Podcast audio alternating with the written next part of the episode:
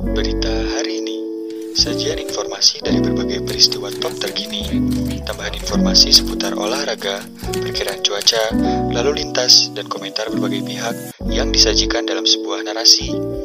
Yang bisa Anda dengarkan di mana pun dan kapan pun.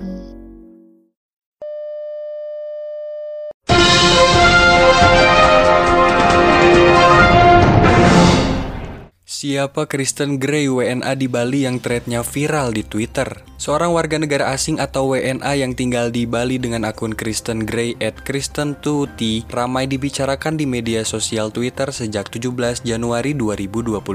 Melalui thread yang dibuatnya diketahui bahwa perempuan berusia 28 tahun itu berasal dari Amerika Serikat. Selain itu dia juga mengatakan lewat threadnya bahwa pada 2019 dia kesulitan mencari pekerjaan. Dia lalu memutuskan untuk terbang ke Bali, Indonesia dan menetap selama enam bulan. Tapi bulan Maret 2020 terjadi pandemi COVID-19 dan Gray memutuskan untuk tetap tinggal di Bali. Dia merasa pengalaman hidup di Bali telah mengubah hidupnya juga menyembuhkan trauma masa kecilnya karena banyak treatment yang membuatnya rileks. Menurut Gray, tinggal di Bali dia merasa aman, biaya hidupnya rendah, gaya hidup mewah, dan ada komunitas kulit hitam di Bali. Dia membandingkan biaya hidup di Los Angeles atau LA, AS, dan Bali. Dia di Bali mengeluarkan biaya 300 dolar AS atau 4.230 rupiah. Sementara itu di LA dia harus merogoh kocek sebesar 1.300 dolar AS atau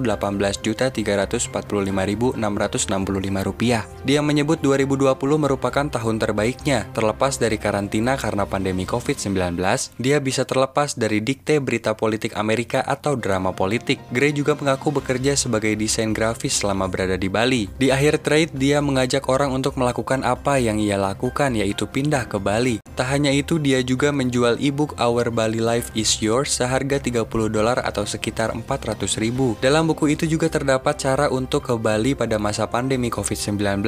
Dia mengaku memiliki agen visa khusus dan memiliki trik agar bisa masuk ke Indonesia. Setelah tweetnya menjadi perbincangan publik, perempuan itu menghapus tweetnya, menyembunyikan video YouTube-nya, mengunci akun Instagram, serta mengunci akun Twitter-nya. Menurut data imigrasi, Kristen Gray datang ke Bali pada 21 Januari 2020 melalui Bandara 1 Gusti Ngurah Rai. Dia menggunakan visa kunjungan saat datang ke Bali dan sudah melakukan perpanjangan izin tinggal karena masih dalam masa pandemi COVID-19.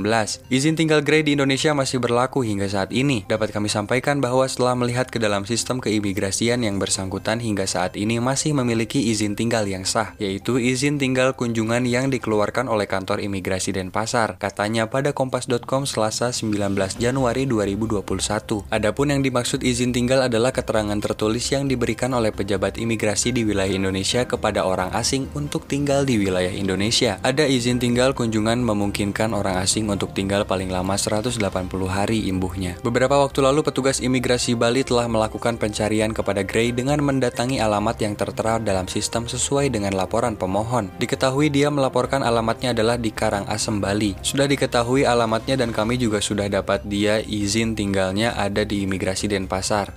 Alamatnya pada saat itu posisi dia di Karangasem, kata Kepala Keimigrasian Wilayah Kemenkumham Bali Eko Budianto Selasa 19 Januari 2021. Akan tetapi setelah didatangi warga sekitar mengaku tidak mengenal Kristen Gray. Selain itu pihak imigrasi juga tidak menemukan Gray. Meski begitu pihak imigrasi telah menemukan agen atau sponsor dari Gray untuk memastikan apakah Gray tidak membayar pajak selama tinggal di Indonesia dan dugaan-dugaan lainnya. Pihak imigrasi Bali meminta Kristen Gray datang ke kantor melalui warga negara Indonesia yang menjadi sponsornya. Pemirsa itulah mengenai Kristen Gray yang cuitannya soal Bali viral di Twitter. Sekian berita hari ini, terima kasih telah mendengarkan, sampai jumpa di berita-berita berikutnya.